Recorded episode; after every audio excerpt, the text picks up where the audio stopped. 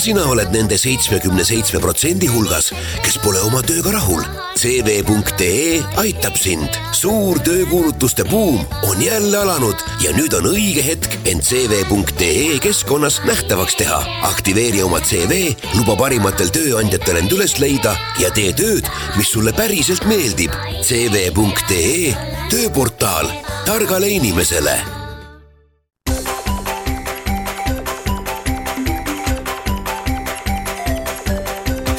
maksumaksja koostöös Eesti Maksumaksjate Liiduga. tere päevast, eetris on saade Maksumaksja, mikrofoni ees on Lasse Lehis. kolmekümne esimesel märtsil saab läbi tuludeklaratsioonide esitamise tähtaeg ja ilmselt on Eestis veel piisavalt palju inimesi, kellel see pidulik äh, toiming on tegemata ja arvatavasti nende hulka kuuluvad inimesed, kes ei ole võib-olla kõigega päris kursis või kellel on natukene tavapärasest keerulisemad äh, tegevused, kus ei piisa lihtsalt äh, kolmest klõpsust, vaid tuleb üht-teist ise sinna deklaratsiooni juurde kirjutada, mõned asjad üle kontrollida ja võib-olla veel nõu küsida ja, ja ise üht-teist arvutada ja dokumente koguda. sellepärast täna räägikski tuludeklaratsioonidest, kordaks mõningaid probleemsemaid, raskemaid kohti, seda enam, et tulumaksureformiga seoses on tulnud kümneid tuhandeid inimesi juurde, kes peavad nüüd esmakordselt tuludeklaratsiooni esitama. Äh, samuti on igal aastal selliseid äh, üleminekuhetki, kus inimesed, kes tavaolukorras võib-olla ei peaks tuludeklaratsiooni esitama ühel aastal, seda peavad tegema kas näiteks seoses töökoha vahetusega või, või mingi muu ühekordse tulu saamisega. Äh, niisiis, kolmekümne esimene märts on tähtaeg, millal tuludeklaratsioon tuleb esitada, kindlasti paljud siiski jätavad selle õige, õigel ajal tegemata, mis nendega juhtub? Ega suurt hullu ilmselt ei juhtu, sellepärast et maksuamet on meil suhteliselt äh, sõbralik ja, ja koostööaldis. Selline trahvimasin nagu mõni, mõni teine riigiasutus aeg-ajalt kipub olema. selline trahvimasin ei ole maksuamet kunagi olnud, sest nende eesmärk on, kui vähegi võimalik, muuta maksude maksmine selliseks kuidas seda saab nüüd öelda, et nüüd lausa positiivne tegevus oleks, aga et inimesel neid negatiivseid emotsioone ülemäära palju ei tekiks, nii et hakkab tulema e-kirju, hakkab tulema SMS-e meeldetuletusega, et tuludeklaratsioon tuleks esitada ja eks loomulikult hoiatatakse, et kui, kui ikka väga vedu ei võta, et siis ka väike trahvikene võib võib mõnele inimesele tulla. juurdemakse tähtaegad on natukene teine lugu, üldjuhul on see siis esimene juuli, aga terve mm, rida maksumaksjaid on selliseid, kes saavad esimese oktoobrini raha koguda ja vajadusel võib-olla ka deklaratsioone parandada. Need on siis füüsilisest isikust ettevõtjad, need on inimesed, kes on saanud tulu välismaalt ja inimesed, kes on saanud kasu vara võõrandamisest. Nende puhul ei olegi küsimus mitte ehk niivõrd selles, et, et neil oleks raha kogumiseks aega juurde vaja anda, vaid äh, pigem selles, et nende deklaratsioonide puhul on vajadus maksuametil neid üle vaadata ja, ja läbi kontrollida palju suurem kui, kui sellise nii-öelda tavainimese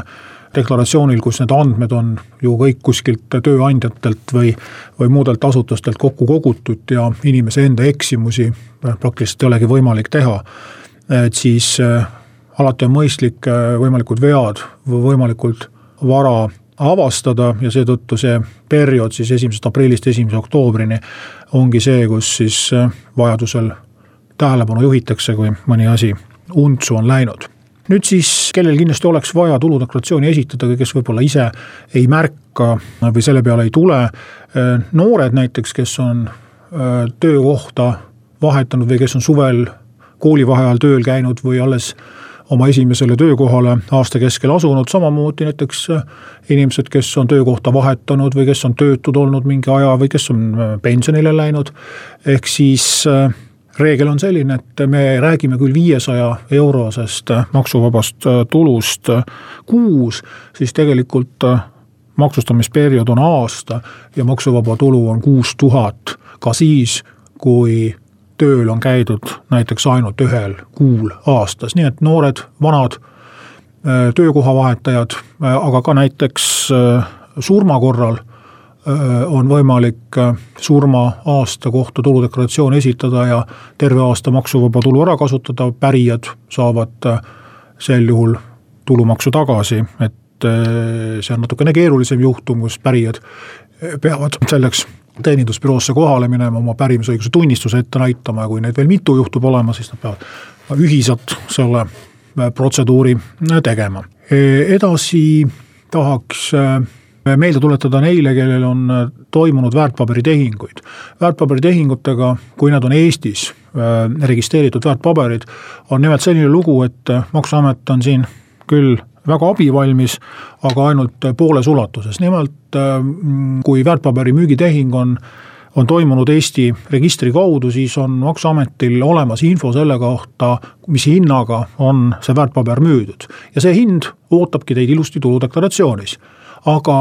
seal kõrval on ka üks teine lahter, nimelt äh, mis hinnaga te ostsite ja seda maksuamet ei tea, seda ei ole talt kuskilt võtta, selle peate te ise sinna juurde kirjutama ja kui te seda ei tee, siis maksate tulumaksu äh, ülemäära palju. samamoodi ka müügiga seotud kulud, näiteks pangateenustasud või, või keerulisematel juhtudel võib-olla ka notaritasud või, või advokaaditasud või maakleritasud Eh, tuleb ise siis mm, kirja panna, loomulikult ka jälgida, et siis korrektsed kuludokumendid selle kohta oleks olemas. Ja üks spetsiifiline väärtpaberitulu liik on väljamaksed osakapitalist, näiteks kõikvõimalikes ühistutes kui inimesed hoiu-laenuühistus näiteks hoiustavad või laenu võtavad, nad astuvad liikmeks, nad maksavad osamaksu ja kui nad suhted lõpetavad, siis nad saavad osamaksud tagasi ja see kõik ka kajastub tuludeklaratsioonis. ja siin on selline lugu, et jällegi sissemakse pool on sealt puudu, väljamakse pool ootab ees ja te peate selle sissemakse sinna ise juurde kirjutama. kui tulemuseks on null või miinus, siis tegelikult te võite selle rea ka tuludeklaratsioonist üldse kustutada, sest kahjumi deklareerimine ei ole kohustuslik. jätkame järgmiste näpunäidetega pärast väikest pausi.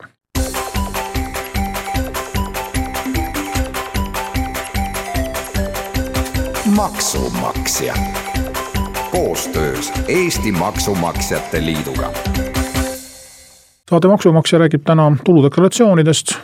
mõningaid soovitusi neile, kes veel ei ole tuludeklaratsiooni esitanud, mõned päevad on veel aega seda teha. sai räägitud väärtpaberitest, sai räägitud kinnisvarast, sai räägitud maksuvabast tulust. kinnisvaraga seoses Äh, maksuametil on kombeks äh, teavitada äh, inimesi, kes tegid eelmisel aastal kinnisvaratehingu. ja siin on jällegi lugu selles, et maksuameti infoväli on puudulik. ja nende teavitustest võivad inimesed mõnikord valesti aru saada, nimelt maksuamet näeb seda, et kinnistusraamatus on omanik vahetunud. ja siis endisele omanikule saadetakse kiri, et vaadake, äkki peate tulumaksu maksma. aga on terve rida juhtumeid, kus seda tulumaksu maksta ei tule, alates sellest, et tegemist võis olla näiteks kinketehinguga, kus raha ei olegi saadud. Äh, aga noh, väga paljudel juhtudel, kui, kui nii-öelda tavainimene müüb maja või korterit, on see ilmselt olnud tema elukoht ja seetõttu müük tulumaksuvaba, aga seda maksuamet ei tea need inimesed on mõnikord kimbatuses, et kas nad peaksid maksuametile nüüd kuidagi vastama, et tore, et teavitasite, väga kena teist, aga äh, kahjuks ei saa ma seda tulu deklareerida, sest äh, siin rakendub maksuvabastus. tõesti on soovitatud, et äh, sellistel mm, vaieldavatel juhtudel inimesed kirjutanud vabas vormis maksuametile, et jah, tegin sellise tehingu, olen seisukohal, et mm, siin tulumaksu maksta ei tule, lisan dokumendid ja asja mõte on see, et, et sellisel juhul on lootust, et maksuamet vaatab need dokumendid läbi ja kui ta jääb teie suhtes eriarvamusele ja leiab, et siiski tulumaksu tuleks maksta, Äh, ütleb ta selle välja kohe, mitte näiteks kolme aasta pärast, kus teil tuleb ka juba küllaltki krõbedat äh, intressi juurde maksta, juhul kui tuleb välja, et maksuametil oligi õigus. ja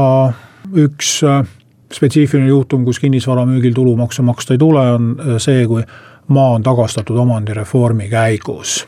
ka siit on juba aastakümneid möödas, inimesed ei pruugi, pruugigi võib-olla teada, mismoodi nad selle maa omanikuks said, sellepärast et see maksuvabastus läheb ka üle pärimisega, ehk siis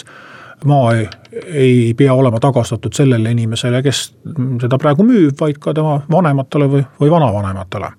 ja seda enam võib ette tulla, et, et ei olegi enam täpselt informatsiooni mm, juba tuleks, tuleks järgi uurida seda ajalugu. metsamaterjali müügil kehtib erikord ja see on nüüd üks olukord, kus näiteks äh, inimesel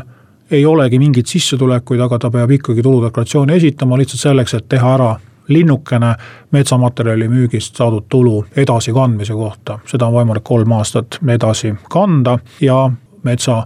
uuendamise kulusid saab maha arvata.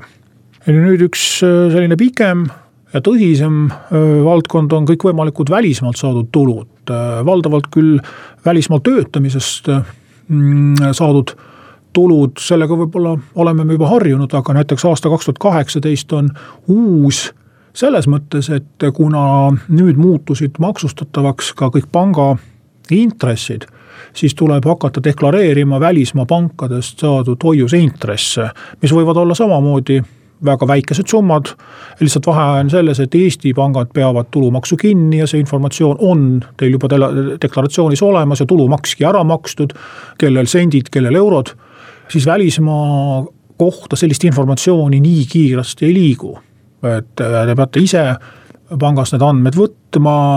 ja Eesti tuludeklaratsioonis deklareerima ja loomulikult ka tulumaksu juurde maksma. ja kui te seda unustate teha, siis kindlasti mõne aasta pärast on see materjal välismaa pankade ja välismaa maksuameti kaudu ka meie vastava asutuseni jõudnud, nii et meeldetuletus koos lisanduvate viivistega igal juhul tuleb varem või hiljem. välismaal töötamisega on lugu selline, et kui töötatakse alla kuue kuu, siis tuleb see tulu Eestis maksustada, ehk siis Eesti kakskümmend protsenti tulumaksu, millest lahutatakse maha välismaalt tasutud tulumaks. mis võib olla suurem, võib olla väiksem, tavaliselt on ta väiksem, sest töötatakse tavaliselt meist rikkamates riikides, kus maksuvaba tulu võib olla suurem kui viissada eurot ja mm, tänu siis suuremale maksuvabale tulule ka maksuprotsent võib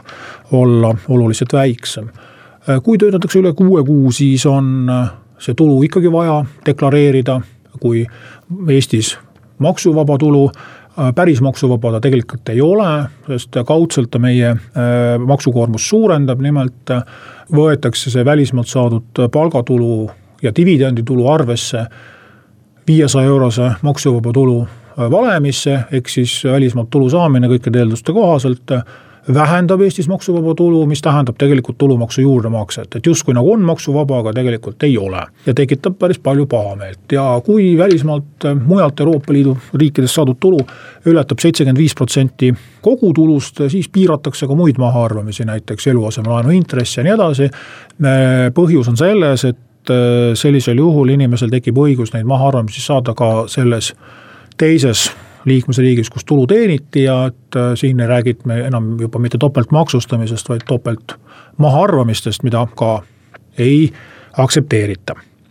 ja lisaks tuludele on võimalik välismaal ka kulusid teha, et on äh, koolitustel näiteks välismaal käidud, on võimalik ka eluasemelaenu võtta mõnest välismaa pangast, iseasi, kas nad nii väga annavad, aga näiteks ka annetusi võib teha välismaistele MTÜ-dele, äh, siis tuludeklaratsiooni saab neid ka kõiki panna. nii palju on keerulisem, et äh, tuludeklaratsioon ei ole loomulikult eeltäidetud, te peate need andmed ise lisama, see tähendab, et neid andmeid kontrollitakse, te peate olema valmis äh, vastavaid dokumente mm, ette näitama, valuutakursid õigesti arvutada ja noh, mis sa saad, tulumaksu tagastus ilmselt ka siis viibib selle tõttu, et on kontrollitööd rohkem vaja teha. ja üks viimaste aastate trend on loomulikult niinimetatud jagamismajandus, kõikvõimalikud platvormid olgu siis sõiduteenused või, või majutusteenused, kus siis mõned edastavad maksuametile infot, mõned mitte. siin noh, ongi raske nagu öelda, et, et mis juhtub nüüd nendega, kelle, kelle kohta seda infot ei edastata ja, ja, ja kes seda ka ise ei deklareeri, et, mm, et kui suur see vahelejäämise võimalus on. et üks tõsine probleem, mis noh, paraku ilmselt ka, ka inimesi demotiveerib äh, neid tulusid ausalt äh, deklareerimast, on see, et äh, kui ei ole füüsilisest isikust ettevõtjana ennast registreeritud, siis ei lubata mitte ühtegi kulu maha arvata. aga nende jagamismajanduse platvormidega on nagu teada, üks väga selge kulu on sellesama platvormi teenustasu, mis võib mõnikord olla päris suur ja sisuliselt maksustatakse tulumaksuga ka nende platvormi pidajate teenustasusid, küll sellisel eriskummalisel moel. et siin on mm, maksuametile küll soovitus, et kui nad tahavad äh, edukamat äh, tulude deklareerimist näha, siis nad võiksid rahandusministeeriumi ametnikele äh, augu pähe rääkida, et tulumaksuseaduses oleks vaja mõningad muudatused teha, natukene soodsamaks seda maksustamisrežiimi muuta ja ja inimesed palju reipamalt ja rõõmsamalt äh, hakkaksid neid tulusid deklareerima, julgen küll arvata. ja viimane märksõna füüsilisest isikust ettevõtja, siin soovitan äh, tutvuda kõigil aastal kaks tuhat kaheksateist ähm, kehtima hakanud muudatustega. ehk siis on tekkinud rida uusi kuluartikleid, mida varem äh, tuludeklaratsioonis arvesse võtta ei saanud, näiteks vastuvõtukulud, näiteks reklaamkingitused, näiteks arvestuslik Äh, haiguspäevade hüvitis või terviseennetuse ja, ja spordi tegemisega seotud kulud, ehk siis sellised maksuvabastused, mis on töötajatel ja ja juriidilistel isikutel aastaid juba olnud, et on nüüd siis lõpuks ka FIE-dele laiendatud, et äh, kahe silma vahele ei jääks need uued võimalused. sellised soovitused siis tulude deklareerijatele, tänan teid kuulamast, kohtume taas nädala pärast.